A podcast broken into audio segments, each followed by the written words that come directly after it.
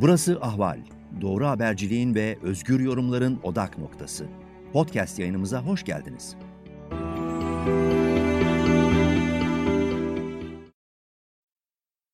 İyi günler sevgili izleyiciler ve dinleyiciler. Sinematek'in yeni bir bölümüne hoş geldiniz. Ben Ali Abaday. Bu hafta da program partnerlerim Selim, Beyli, Selim Eyüboğlu, Pınar Üretmen ve Caner Fidener'le karşınızdayız.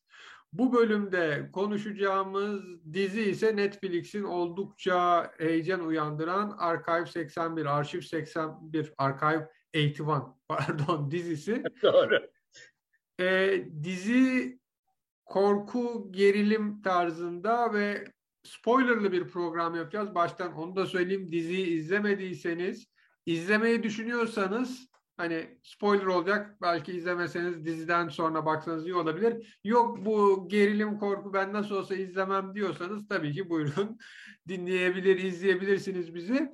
E, film kısaca Daniel Turner Den olarak bilinen e, ve video kasetleri bu eski Betamax VHS'leri e, onaran, arşivleyen, e, işte sorunlarını bulup düzelten bir kişinin özel bir şirket tarafından LMG, LMG şirket tarafından işe alınması ve bu şirkete bağlı yıllar önce New York'ta 1994 yılında yanan bir bina ile ilgili bu arşiv kasetlerin düzeltilip binada ne olduğunu ortaya çıkarması üzerine başlıyor ve den ıssız bir yere, cep telefonunun çekmediği, internetin olmadığı özel bir yere götürülüyor şirkete ait. Burada işte son derece bir üst düzey bilgisayarlar var.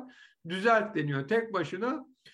Ve verilen kasetlerin hepsi de Melody isminde bir doktor öğrencisinin bu apartmana yerleşmesi ve orada yaşayanlarla videoları çekerek yani röportajlar yaparak yaşadıklarını çekerek elde ettiği kayıtlar. Fakat Den daha birinci bölümün ortasında ailesiyle bir yangında kaybettiği ailesiyle bu binada yaşayanlar arasında bir ilişki olduğunu fark ediyor. Ondan sonra da çok ilginç şekillerde konumuz devam ediyor. En azından ben baştan birinci bölümlük bir spoiler vermiş olayım. Şimdi her zaman gibi söz Caner'de yönetmen, oyuncular hakkında bize bilgi versin diye. Ee, teşekkürler. Şimdi Archive 81 deyince benim ilk aklıma takılan bu 81 nedir diye bakayım istedim. Bir podcast'ten alınmış. Yüz küsür bölümlük podcast olduğunu e, Ali'den öğrendik. 81'i de bir şey bulamadım. Ondan sonra Ali dedi ki bu işte podcast'te 81 numaralı arşivle görevlendirildiği için podcast'ın adı oymuş. E, ondan çekilen diziye de bu isim koymuşlar. Gene yani içim rahat etmedi. Bayağı aradım da sonuçta da şuna karar verdim. Dizinin geliştiricisi Rebecca Sonnenschein diye bir hatun herhalde şöyle dedi. Ya arkadaş koy 81'de bu Caner nasılsa bunu bir araştır, bir araştırsın bakalım. Dönüp dolaşsın ne bu 81 diye. Biraz onun başına dert çıkaralım demiş gibi geldi bana.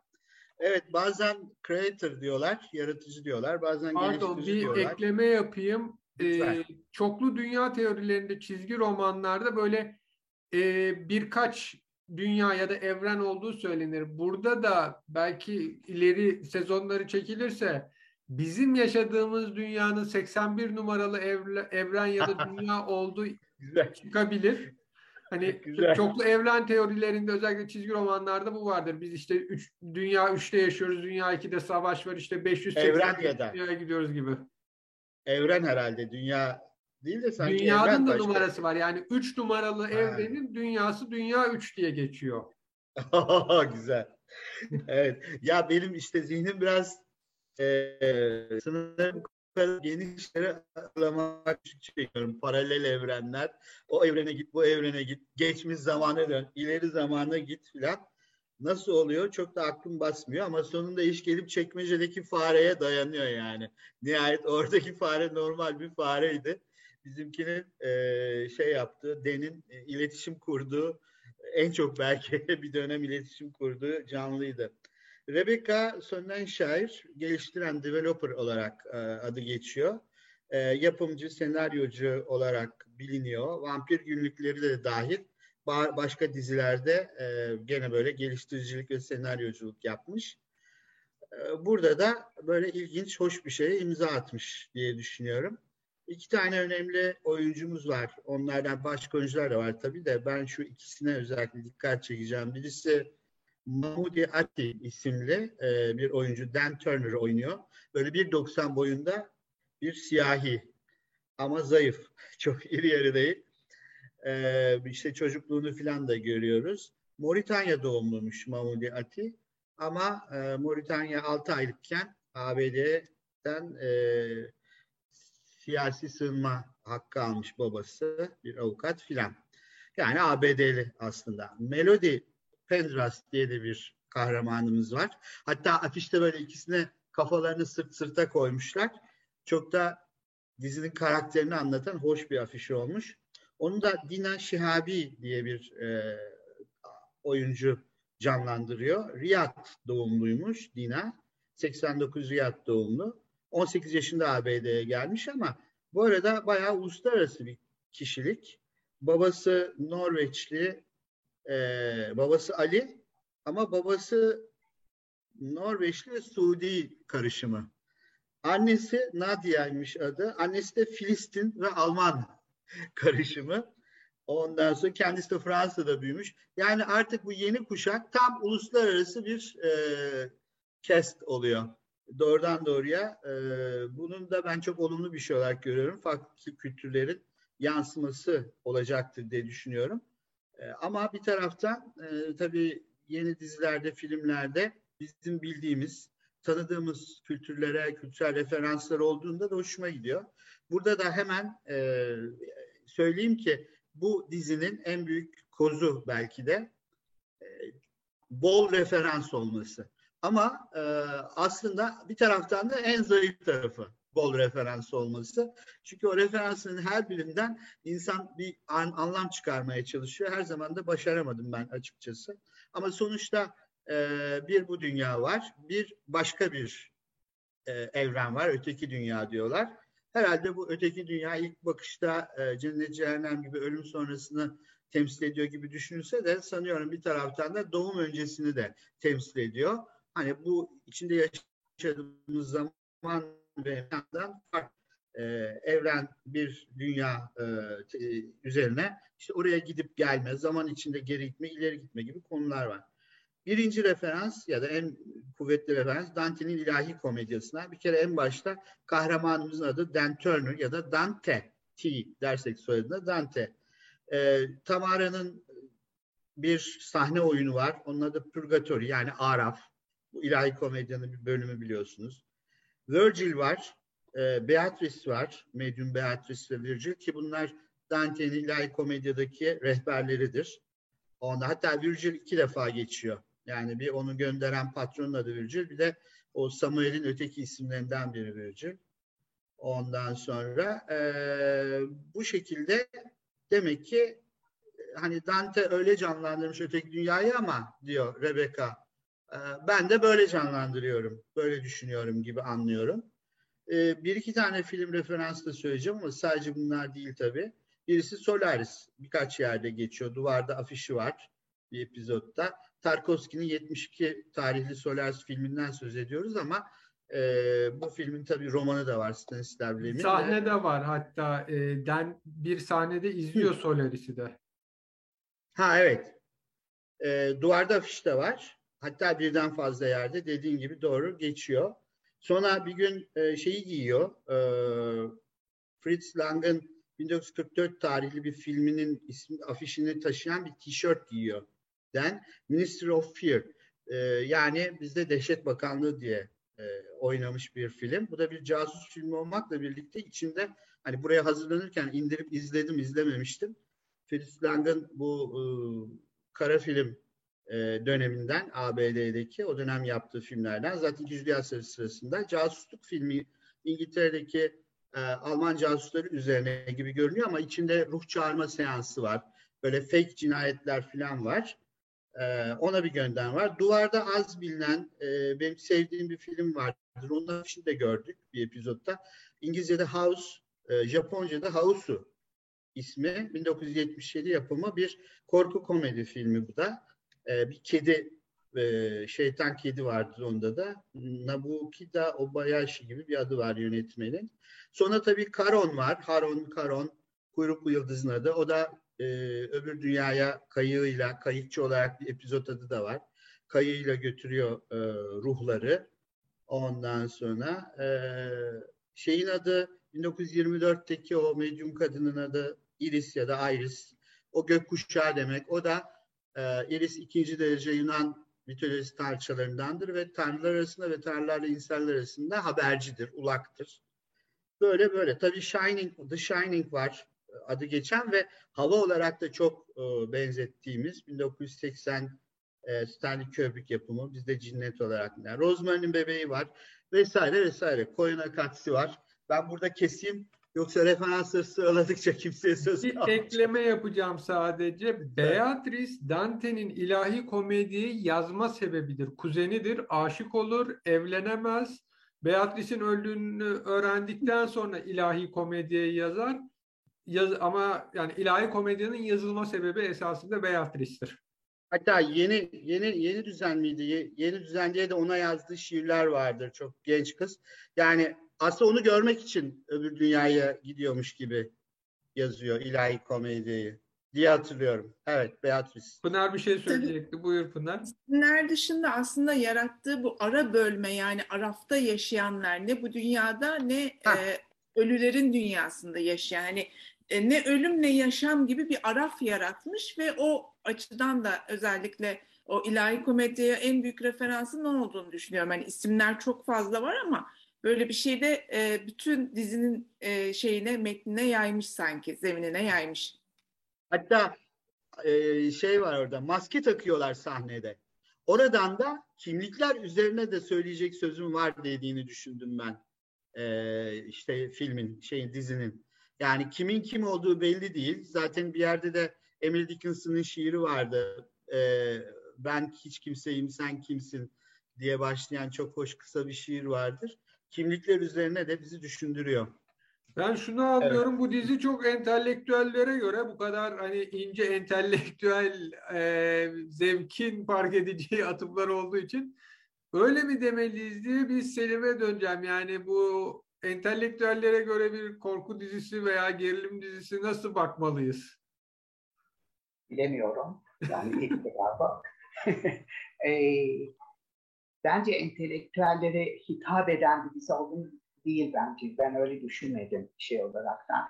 Ve hakikaten e, bir dönem yani bu sürekli başka filmlere, popüler kültür ögelerine referans verme furyası hani bir dönem gerçekten insanları çok şaşırtan bir şeydi, irkilten bir şeydi, kışkırtan bir şeydi.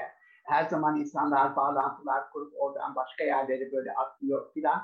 Ama e, artık sanki o dönemi geçtik gibi. Yani referansların kendileri çoğu zaman hani çok da önemli olmayan ya da bulsanız bile omuz silkeceğiniz bir yere sizi götüren referanslar oluyor. Çoğu zaman özellikle dizilerdeki çok ender, hani gerçekten şaşırtıcı ya da kışkırtıcı. Söz gelime Buffy the Vampire Slayer o konuda çok çok başarılıydı. Sürekli popüler kültüre referans yapıyor ama sadece referans yapmış olmakla kalmıyor. Oradan yola çıkarak başka düzeylerde başka çağrışımlara da yol açıyordu. Ee, dolayısıyla gerçekten ben hani bu diziyi e, entelektüel bir kışkırtıcılık olarak değil de daha çok bir tür hepimizin e, komplo teorilerine inanmaya olan eğilimimizi sanki kışkırtan ya da bizi böyle o konuya doğru böyle dürtükleyen bir dizi gibi algıladım. E, gerçekten de bu dizide hani bir takım komplo teorileri var, bir takım kültler var ve Illuminati vadi bir takım kültler bunlar işte dünyanın kaderiyle oynayan, onu değiştirmeye yönelik, onu değiştirebileceklerini düşünen e, ve bunu değişik zamanlarda bir kuyruklu yıldızın dünyayı ziyaret etme zamanlarında tekrar tekrar deneyen insanlar. Biz sanki şey gibiyiz yani bu dizinin belki de en önemli başarısı bizi bir yerde davet etmek. Yani inanmasak bile inandırıcı olabilecek bir e, kült dünyasına e, doğru meylettirmek. E, biraz şeye benziyor bu. The X-Files dizisinde e, de benzer bir şey vardı. Yani sürekli komplo teorileri, sonsuz sayıda komplo teorileri vardı. Hepimize bunlar inandırıcı geliyor ama bir taraftan da e, rasyonel donanımımız e, frene basmamızı sağlıyor ve hani bütün bütüne inanmıyoruz. E, hatta, Ama orada şöyle bir şey vardı şimdi X-Files deyince Dana Scully mantık hani o bütün bilgi ve bütün rasyoneliteyle inanmazdı. Murder bilgisi inanmaya yönelikti. Zaten onu bu evet, şeye işte, inanmasıydı. Yani, yani inanmak istersek inanabiliyoruz. Ama, evet işte ama Mulder inanmak isteyen birisi. O ilginçti. Yani inanmaya meyilli ve de o yüzden daha farklı bir bakış açısıyla, daha açık bir gözle her şeye bakıyor ve bazen de sa- saçma sonuçlar çıkarıyor tabii ki. Çünkü her şeyin arkasında bir alien yok ya da bir monster, e, canavar falan e, yok. Şunu söylemek istiyorum. Yani o dizinin kendisinde de bir tür Mulder karakteri üzerinden bir şey vardı. Hani e, bizim inanma isteğimizi kışkırtan, dürtükleyen böyle bir şey vardı. Bu dizide de e, bir sürü video tape'ler var. E, onlar böyle restore ediliyor, onarılıyor. Ve biz aslında onları e, bunu restore eden restoratörün gözünden aynı zamanda bakıyoruz. Yani e, o restore ederken görüyoruz ve o ilk bir şey görüyor. Mesela irkiliyor şöyle bir. Biz merak ediyoruz ve sonra biz görüyoruz onu. Yani gerçek zamanda bizim de önümüzden geçiyor. Biz olayları kontrol eden bir seyirci konumunda değiliz. Ee, ve il, ilginç bir şekilde dizide birçok iletişim araçları var. Ee, ve hepsi bu geçmişe açılan dünyayı farklı gözlerle görüyor ya, ya da gösteriyor. Örneğin e, video kamera var, e, Melody'nin kullandığı. Ondan sonra e, o kamera bir şekilde yere düşüyor ya da kırılıyor bir şey oluyor. E, orada yaşayan küçük bir kızın e, video kamerasını kullanmaya başlıyor ki o video kamera aslında bayağı basit, sınırlı, ucuz bir kamera ve o bir yıl piyasaya sürülmüş. Ondan sonra bir daha şey olmamış. Teknoloji çok hızlı ilerlediği için e, zamanlar Walkman'de kullanan ses kasetlerine görüntü kaydeden bir e, video kamera ve siyah beyaz kaydedebiliyor. Ve onun bu sefer e, farklı çözünürlüğü, renk sınırlılığı ile görüyoruz.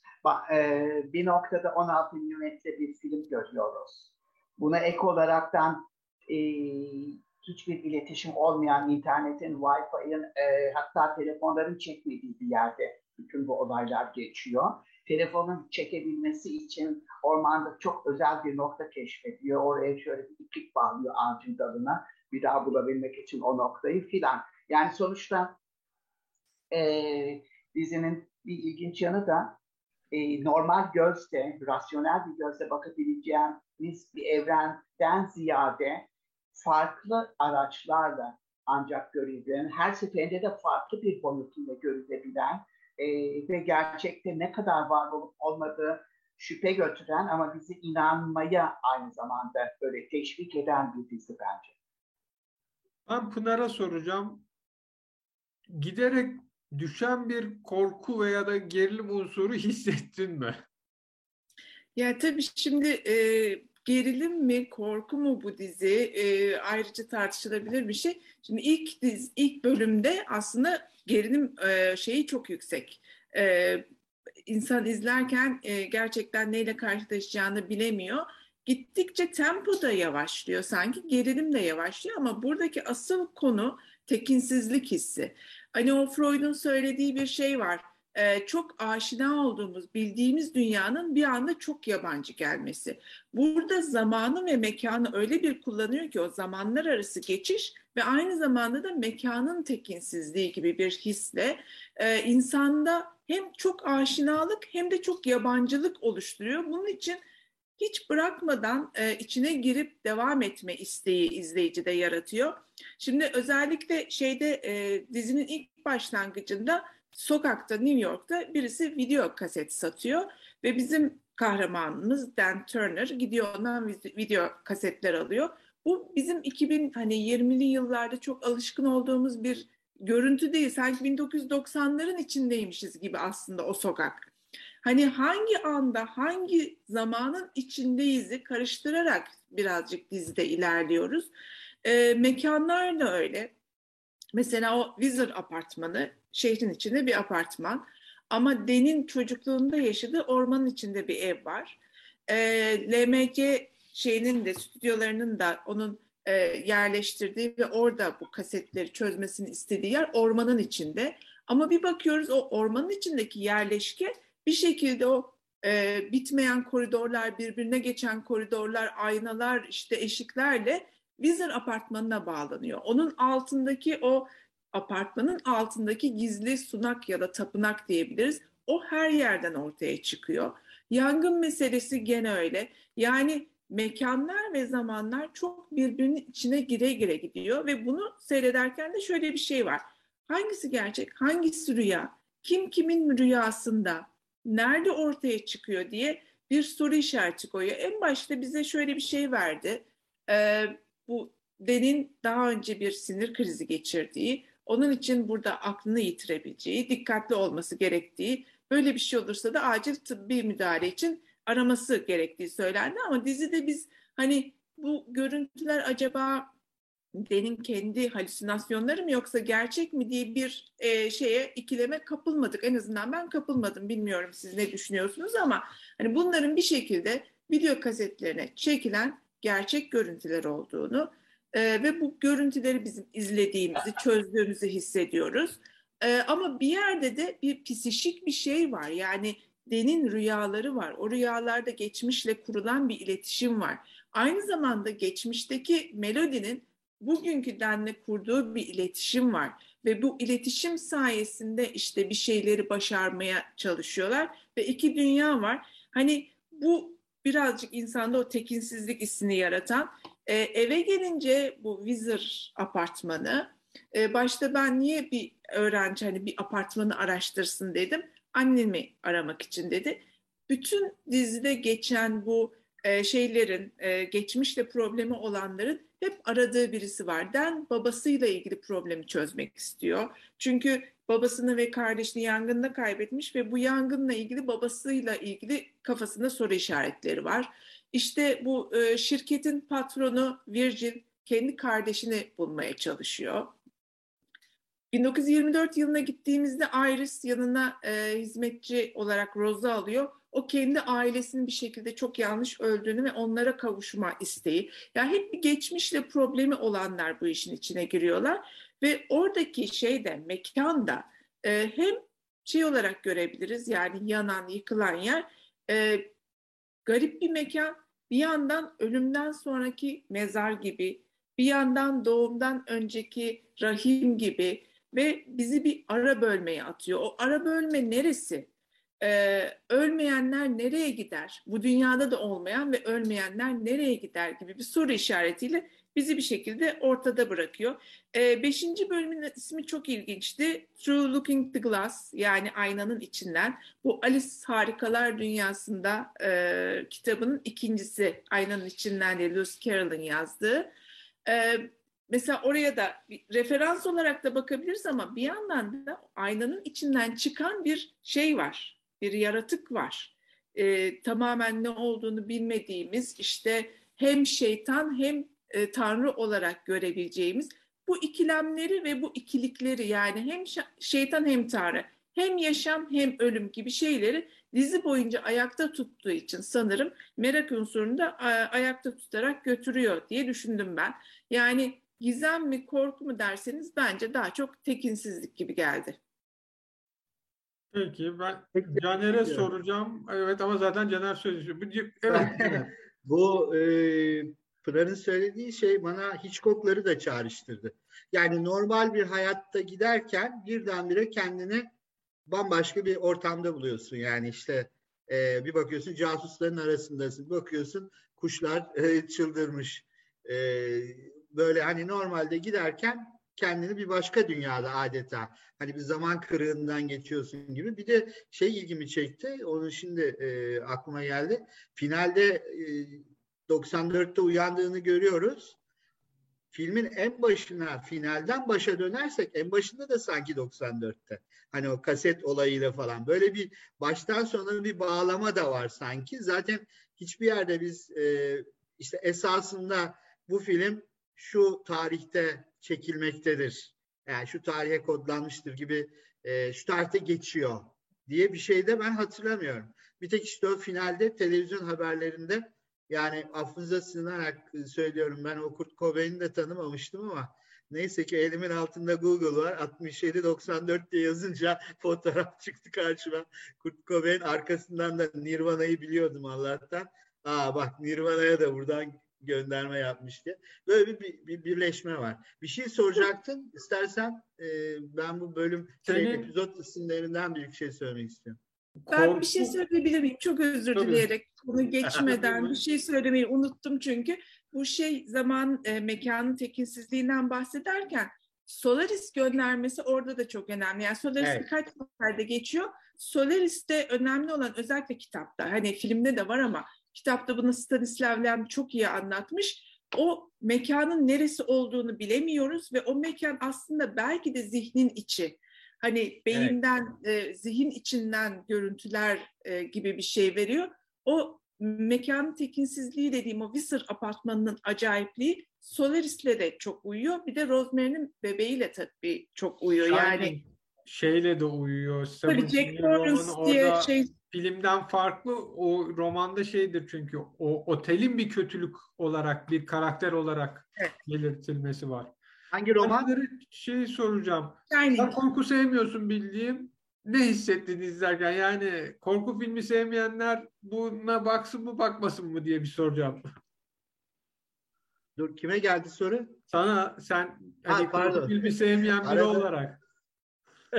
Valla aslında burada e, yer yer korku olmakla birlikte ben çok korku filmi gibi de gelmedi bana açıkçası.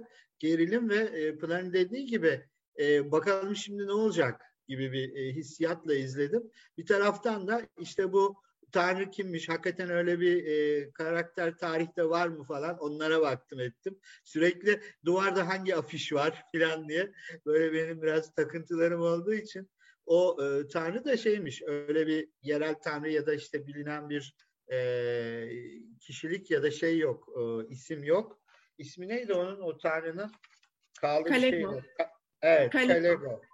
Kalego diye o heykeli olan tanrı o tamamen soruyorlar bunu e, geliştiriciye de o da diyor ki bu tamamen benim zihnimden çıktı diyor. Üst, üstleniyor bütün sorumlu. Sonra Baldung e, cadıları diye bir kavram var kitapta filan. O da meğer bir öyle bir Hans Baldung diye bir ressamın bir cadılar diye tablosu varmış. 1510 tarihli. Oradan Baldung adını almış ama gerçekte öyle bir kült filan da yokmuş diye anlıyoruz. Ee, ben aslında merakla ve şimdi nereye bağlayacak diye izledim. Onun için e, hani korku filmi sevmese de e, öneriyorum izleyenlere diye sözü bitireyim. Yalnız bunu artık sonunda söylerim. Kamerayla çekilmiş iki film e, dizisi var. Onlardan söz etmek isterim ama sonra artık. Şimdi kesebilirim. Peki ben şunu diyeceğim. Benim gibi ormanın içinde yaşıyorsanız ilk bölümü gece izlemeyin. Hoş olmuyor. yani bir derin ormanına baktım. Bir gece gece arkamdaki karanlık ormana baktım. Arada telefon çekiyor mu diye bir kontrol ettim. ne olur ne olmaz. Çok hoş olmuyor. Ekinsizlik ama ormandan kaynaklanmıyor. Daha çok teknolojiden ve onun kaydettiklerinden kaynaklanıyor aslında. Hatta analog ve dijital arasındaki e, sanki dönüşümden, geçişlerden filan e, ve şöyle bir şey de aklıma geldi birdenbire. Yani içinde yaşadığımız son birkaç yıl içinde analoğa dönüş, ona bir özlem vardı. Öyle bir ortamda hem baştaki e, sahnede New York'ta işte birisinin video kaset sat, e, satması, daha sonra video e, analog çekilmiş görüntüleri dijital ortaya taşımak. E, bunun sanki e, biraz kafam Şimdi bir aileden konuştuk. Hani her dönemin ve her karakterin aileyle ilgili bir problemi var. Babasıyla, annesiyle vesaire filan falan ve e, tekinsiz bir durumdan sanki o ailesini anlayaraktan ne olup bittiğini çöz, çözüp de o aileyi tekrar böyle tek, tekinsizin tersi nedir? Yani tekinli değil herhalde değil mi? Ee, Sesin kapalı Caner. E, tanıdık. Tanıdık. Güvenli. Evet, bildik. Evet. Bildik tanıdık. Evet. Bir ortama sanki böyle taşımak gibi bir narratif var bizde. Sanki ikinci dönemde de bu biraz oraya doğru gidecek gibi. Ve bu da aslında sanki e, tersten de şöyle bir şey var aynı zamanda. Dijitalden niye artık biz böyle sıtkımız sıyrıldı ve niye analog özlemi taşıyoruz? Yani analog için analog kendisi sanki daha böyle elle tutulur, daha hem daha önceki bir dönemi, daha az problemli bir dönemi belki, belki diyorum onun altını tırnak içinde şey yapar. Ama aynı zamanda da e, daha somut elle tutulur bir şey e, ve karşı olan bir özlem var. Dijitalde öyle bir şey yok e, çünkü. Yani dijitalden analog e, özlemin kendisi aileye olan özlemle sanki bir paralellik taşıyor gibi geldi bana. Sesin yine kapalı Caner. Gene, kapatmışım. Pardon. Ya, şuraya hemen bir şey ekleyeyim Selim. Yani e, çok güzel bir yorum bu. Gene en başta e, o kasetçi dedik ama dikkat ederseniz hatırlarsınız o kasetçinin sattığı kasetlerden ne çıkacağı belli değildi.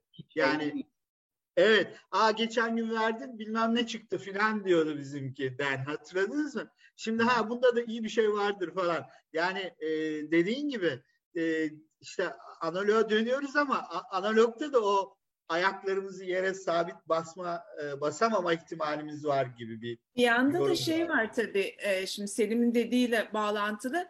E, biz dijitale geçtiğimiz zaman elimizde bir şey yok. Yani var ama yok. Şimdi nereye kaydediyoruz? Evet. burada kaydediyoruz. Hani bir şeyler havalarda yani tam elle tutulur e, hissedilir değil var ama yok gibi. Hani bu dizinin anlattığı da biraz öyle. Var ama yok gibi. Bizim elle tuttuğumuz eskiler o teypler elimize alıp e, tamir edebildiğimiz ve tamir ettiğimiz zaman tekrar görebildiğimiz e, sınırlı ama e, evet yani evet. Yani bir şekilde şu andaki dijital dünyada her şey kaydediliyor. Bunu e, yok etmek mümkün değil ama bir yandan da hiçbir yerde yok. Yani nerede olduğu da şüpheli gibi bir şey var.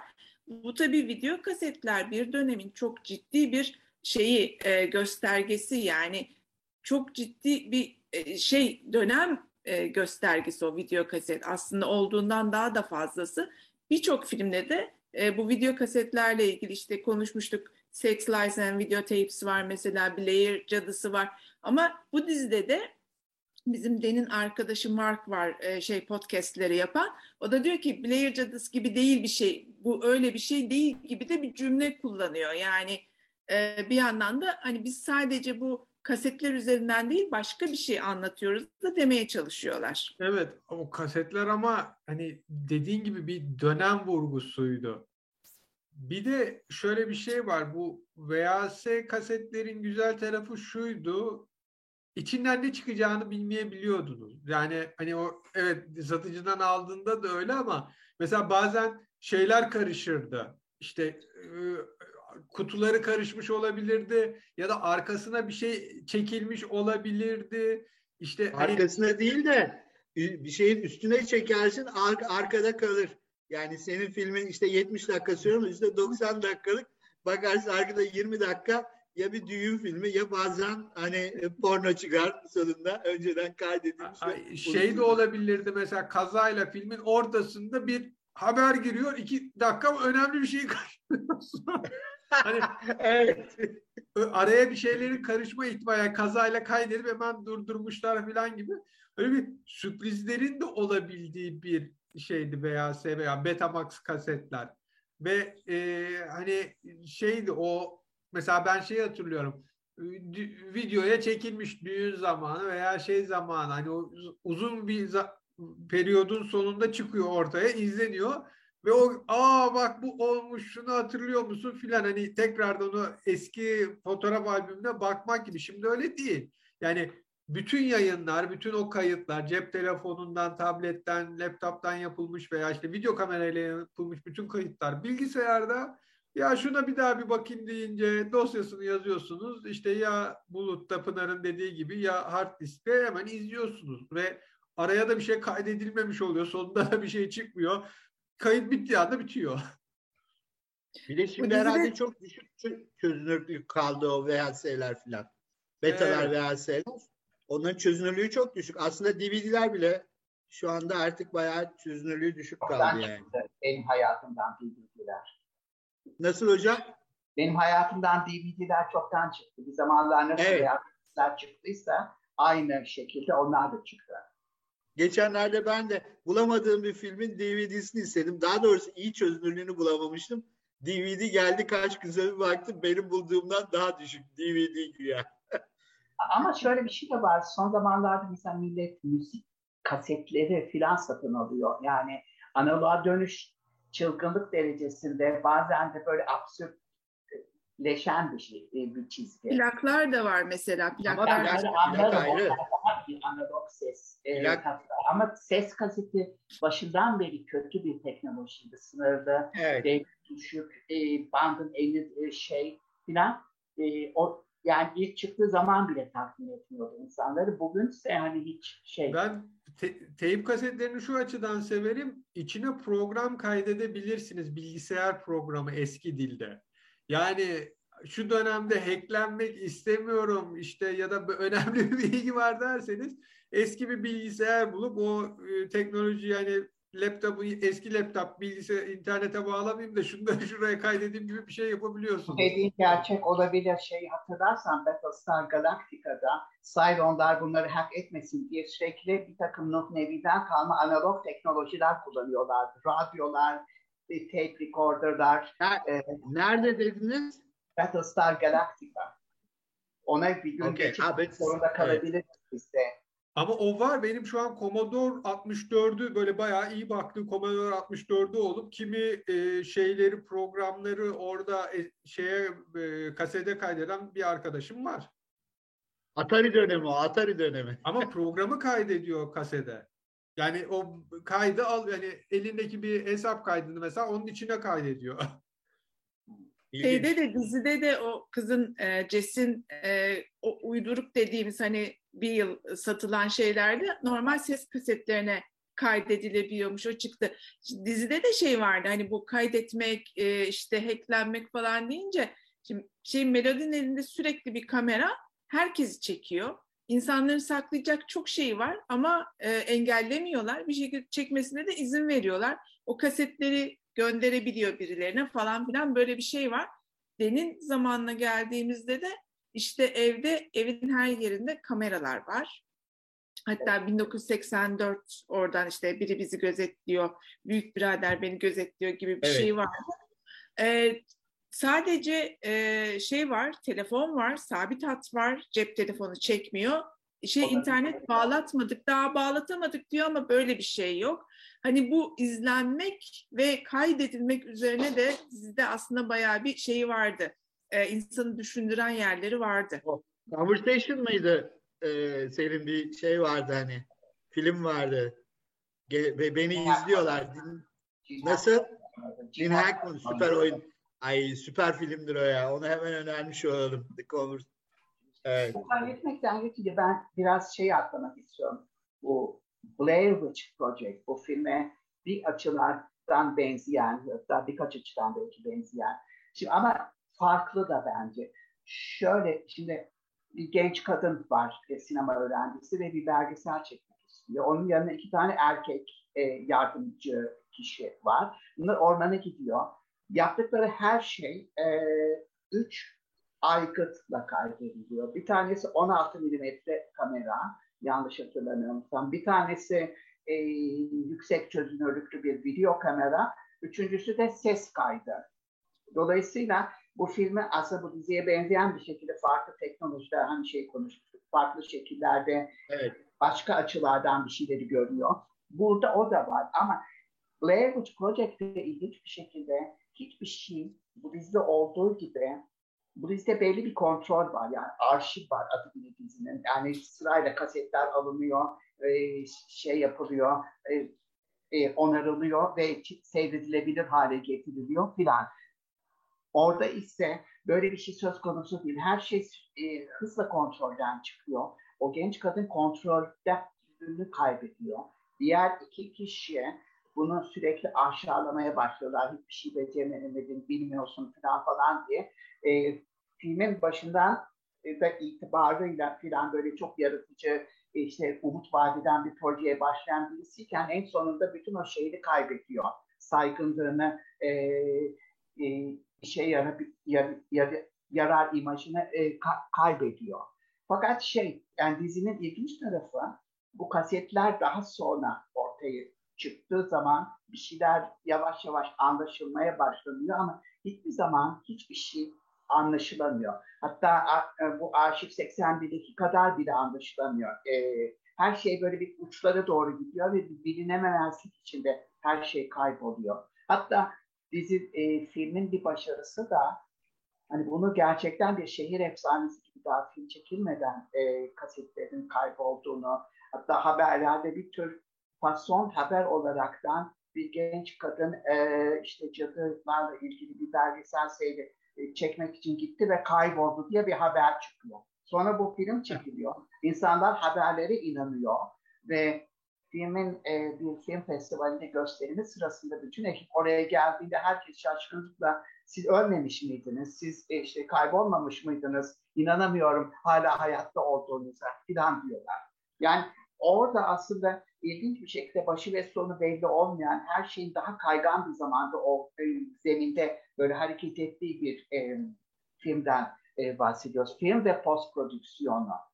Bu arşiv e, 81'de ise hani sürekli farklı aşamalarını görüyoruz biz de. Mesela çekilmekte olan şey, o çekilmek, e, çekilen şeyin kendisini daha sonra farklı bir zaman çizgisinde benim onu seyretmesini filan e, görüyoruz ama her şey çok daha böyle kontrollü, rasyonel bir ortam içinde geçiyor. Her ne kadar temanın kendisi irrasyonel olsa da.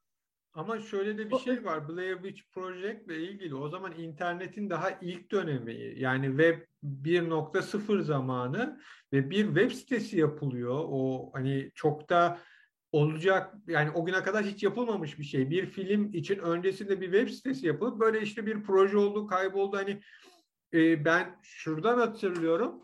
Mesela Futuristika diye benim yazı yazdığım bir site vardı. Biz oraya kendimiz ilginç bulduğumuz bir konuyu böyle blog olarak yazardık. Bazı kanalların ha- haber programları mesela bizim yazdığımızı direkt alırdı. Yani o zaman kontrol etme şeyi de yok. İnternette varsa doğrudur gibi bir bakış. Hani böyle bir web sitesi çıkıyor. Yerel haberlerde bununla ilgili bir şey çıkıyor. İlk defa hani internetin filmin pazarlamasında düşük bütçeli bir filmin pazarlamasında kullanılması söz konusuydu.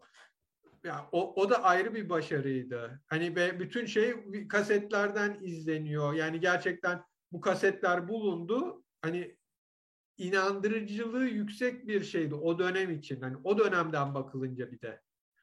Ya artık ama bunu yaptığınız evet, kimse yemez.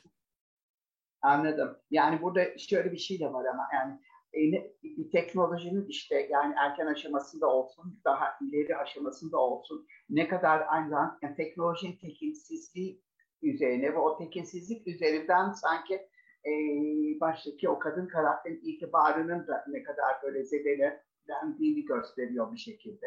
Yani e, teknoloji ilginç bir şekilde şey yani e, projenin kendisine ters e, bir şekilde gelişiyor.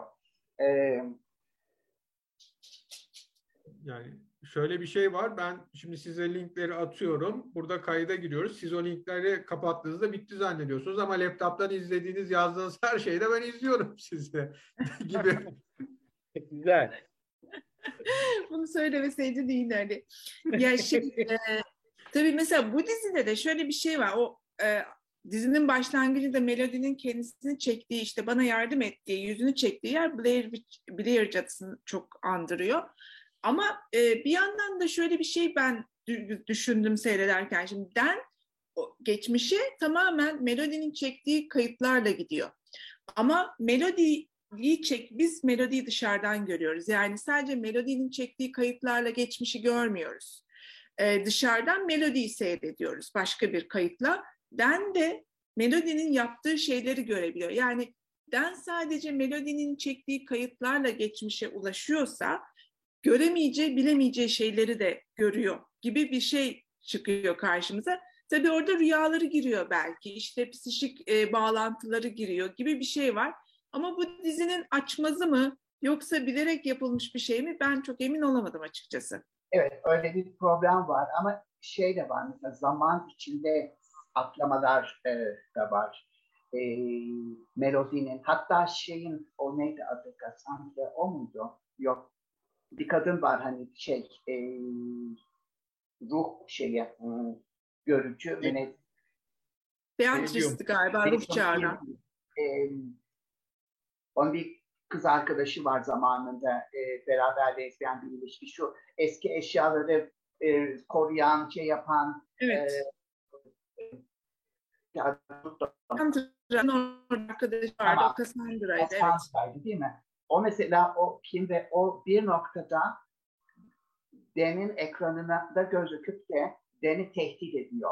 Hatırlıyor musunuz o sahneyi? Evet. evet. Yani e, değişik zamanlar arasında da bir yolculuk veya bir projeksiyon e, diyebiliriz mümkün e, bu dizide. Burada tabii şeyin e, e, stability kelimesini bulamadım şimdi şeyini. Yani zamanların akışı da burada böyle şey. Aynı zamanda o e, kontrollü değil, kontrolden çıkabiliyor ve art zamanlı gelişen olaylar art zamanlı olmaktan çıkıyor. Doğrusal e, zaman algısı yok.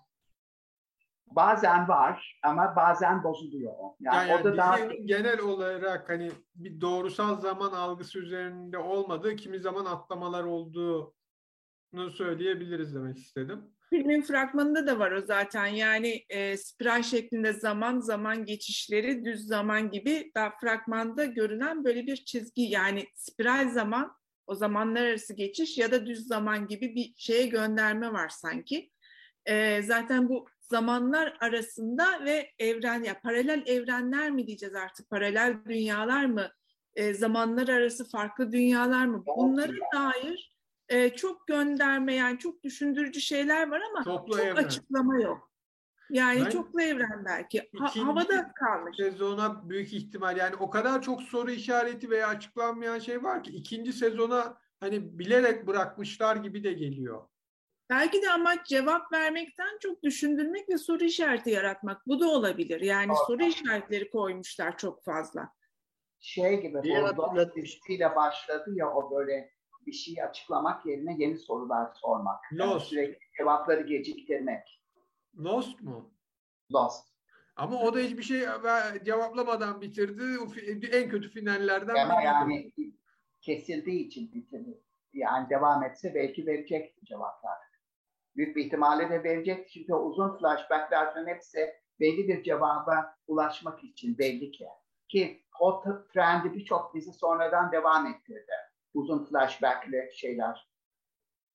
Bir de bu dizide benim ilgimi çeken şey vardı. Den bazı bölümlerde uyanıyor, e, çok garip bir şey yaşıyor ve tam onu yaşarken bir anda tekrar uyanıyor. Yani o e, yani içinde. Rüya içinde rüya mı o hani ne diyeceğiz bilmiyorum. Aynı şey mesela Vanilla Sky filminde de çok e, gördüğümüz bir şeydi biz uyandı zannediyoruz ama aslında rüyada ya da biz rüyada zannediyoruz ama aslında gerçek dünyada. Yani bu rüya ve gerçek arasındaki bağlantıyı da birazcık şey yapmış, girmiş işin içine. İçinde bir his, bütün bunları ikinci sezonda açıklayacak. Yani şu daha ilginç olurdu. Hani bazı şeyleri de açıklamadan mahsus bırakmak. Yani hani hayatta her şeyi açıklayamayız gibi bir e, şeye gelmesi ama çok az Amerikan dizisi bunu yapıyor. E, ne yazık ki. Caner sen bir şey diyecektin galiba. Evet, e, Pınar'ın söylediğine şeyi de Total Recall'u da hatırlatıyor değil mi? Gerçeği evet. çağrı. Orada da e, bir e, sanal yolculuğa gidiyor, turistik yolculuğa ama nereden itibaren gerçeğe dönüyor, nereden itibaren e, dönmüyor filan o, o biraz ortada kalıyordu. Bu araf kavramı en başından girdi ya olaya. Sanki şöyle algılıyorum ben. Bütün anlatılanlar şey bize diyor ki siz dünyada zaten bir araftasınız yani. Bütün burası bir geçiş yeri gibi. Zaten Melody Pendrastia kızın adı. Ee, pan şey e, askıda olmak. Yani Pendras askıda. Hani demin Selim'in söylediği gibi zamanlar arasında askıda. İşte 94 ile bilmem e, 2004 arası şey 1924 ile 1994 arasında askıda. Sonunda bizim oğlan uyandı 1994'te den o da hala bence askıda. Yani ortada ben böyle. Ben 94'te uyandı ama melodi de onun zamanına geldi bir evet. yandan. Yani bir değiş tokuş var aslında. Evet. Öyle evet, de bir şey evet. var. Ama sonuçta oradaki de buradaki de herkes bir şekilde askıda gibi ve bunun e, herkesin askıda olduğunu işte filmler filan filan onlarla anlıyoruz. E, hatırlarsanız demin bir de şey dedik ya e, gidiş geliş daha doğrusu kimin gözünden gördüğümüzü tam bilemiyoruz. Hani biz ikisinin gözünden de farklı bir yerden bir tanrı anlatıcı gibi, tanrı bakıcı gibi yani tanrısal bakış gibi yukarıdan bakıyoruz sanki. Zaten yedinci epizod tamamen bir film gibi e, anlatılıyor. Yani hiç kimsenin bakışından değil. O e, 1924'ü diyorsun değil mi? 24, Bağlayıcı. 1924. Nasıl? Bağlayıcı bir bölüm o. Ha, işte o şey o, o direkt olarak alakasız bir film gibi düşünülebilir. Ne e, gözünden ne e, Den'in gözünden. Sonuçta o bir çeşit e, başka bir düzlemden bizi e, bağlıyor. Rose'un kurban edildiği hikaye. Yani Ama hikayenin o kısmı daha doğrusu. Şu var evet. ikinci sezonda hani biz şimdi şey ya Den geçmişte uyandı melodi bilinçleri gitmiş mesela biz orada Den gibi görüyoruz ama Den bir kalkıyor aynaya bir bakıyor melodinin vücudunda melodi aynaya bir bakıyor. O zaman daha da bir ilginç olur. Senaryo ekibine alabilirler. İlginç olurmuş. Çok güzel. Hakikaten melodi hani... şeyi anlatmaya çalışıyor. Baba ben onun benliği hani babasıyla konuşmaya çalışıyor filan den melodi hani o da olabilecek bir noktada bilmiyoruz şu an. Bilinçte yani bir ben, olan bir ben vardır bende benden içeri. Bir sen vardır sende senden içeri. Bilinçte mi, gerçekte mi, işte e, nerede olduğuyla ilgili tabii soru işaretleri var. Şeyi hatırlattı bana birazcık bu. Sen e, Total Recall gerçeği çağrı deyince 12 maymun da hatırlattı bana. Orada da böyle ha, tabii, ap apokaliptik bir film o ama 12 maymun. Orada da böyle zamanlar arasında bir geçiş var. Kim nerede, hangisi gerçek gibi. E, onun da alındığı 1962'de çekilen La Jetty diye bir şey var. Siyah beyaz e, kısa film var. Hani e, oradaki gerçekliğin ne olduğu ve zamanlar arasındaki e, geçişlerde bir şekilde hani bağlantılıymış gibi geldi bana. Peki ben dizi üzerine söyleyeceğiniz başka bir şey var mı diyeyim süre noktasına gelince. Tam bunu bekliyordum. Ben ben henüz söyleyemediğim şeyleri söyleyeyim ondan sonra bu bölüm sonuna gel susayım olur mu? Hemen bana söz ver. Ee, bu e, şeyin e, hani video kaset ya da görüntü çekilerek yani çekilmiş görüntüler üzerinden yapılmış filmler ilginç ama e, şunu hemen söyleyeyim ki bu Archive 81 ya da Arşiv 81 bu söyleyeceğim e, söyleyeceklerimden daha üst düzlemde. Ötekiler biraz daha e, ne diyeyim düz bir mantık üzerinden gidiyor iki tane film dizisi söyleyeceğim. Dizi film değil de film dizisi. Birisi Cloverfield üçlemesi.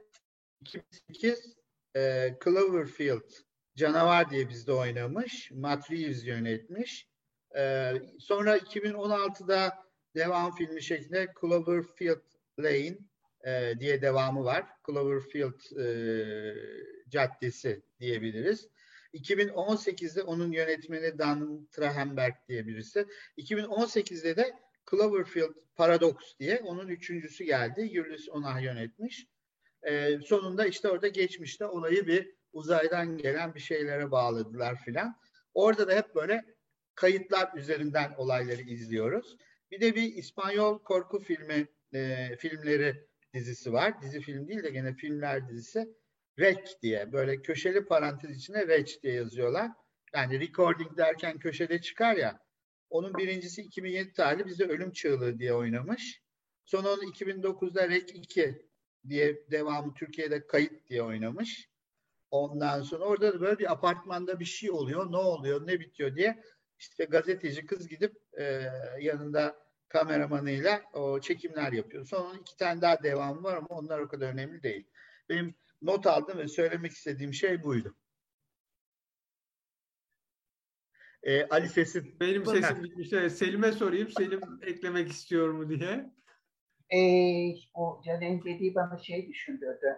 Ee, bütün bu filmlerde aslında e, teknolojinin ya da kameraların, telefonların tekinsiz olduğu üzerine e, birçok film vardı. Sanırım ilk şey bu e, Ringo diye bir Japon filmiydi. Ha, evet. Ondan sonra çok şey cep telefonu olsun, bilgisayarlar olsun e, bunların tekinsizliği üzerineydi. Yani tekinsiz olan aslında bu teknolojiler ya da bu teknolojilerin açtığı kapı gibi. Bu dizide ise tersi sanki. Yani tekinsiz olan evet. e, kameralar, e, aygıtlar, bilgisayarlar değil. E, tam tersine tekinsiz bir ortam var. Hatta kameralar sayesinde onu biraz çözüyoruz. Arkasında işte bir aile problemi olduğunu anlıyoruz. Yani her şey daha tanıdık, daha böyle şey masum hale geliyor bir şekilde. Evet. Yani o teknolojinin penceresinden e, gizemin içine girdikçe. Evet benim yani. Peki. Pınar. Ya şimdi ben böyle bir garip takıntılarım var. Bir film seyrederken mesela bir kapıyı açık bırakır giderse kapı açık kaldı falan diye oraya takılıyorum. Bu dizide de fareye takıldım. Yani o farenin bir işlevi olması gerektiğini düşünüyorum. Fareyle arkadaş oldular işte belirli yerlerden gidiyor falan. Hatta en son bölümde bunlar koridorlarda kaybolunca şeyi açıyor garip bir şey var onu açıyor. Onun içinden fare çıkacak da bunları yol gösterecek falan diye çok bekledim. Ben ikinci sezon olursa o fareye bir iş düşmesini çok isterim açıkçası. Bilmiyorum olur mu olmaz mı ama ikinci tabii sezon için tabii e, şeyi e, atmış e, senaristler, e, oltaya atmış. E, çekileceğiyle ilgili kesin bir bilgi yok ama muhtemelen Hı-hı. olacak deniyor.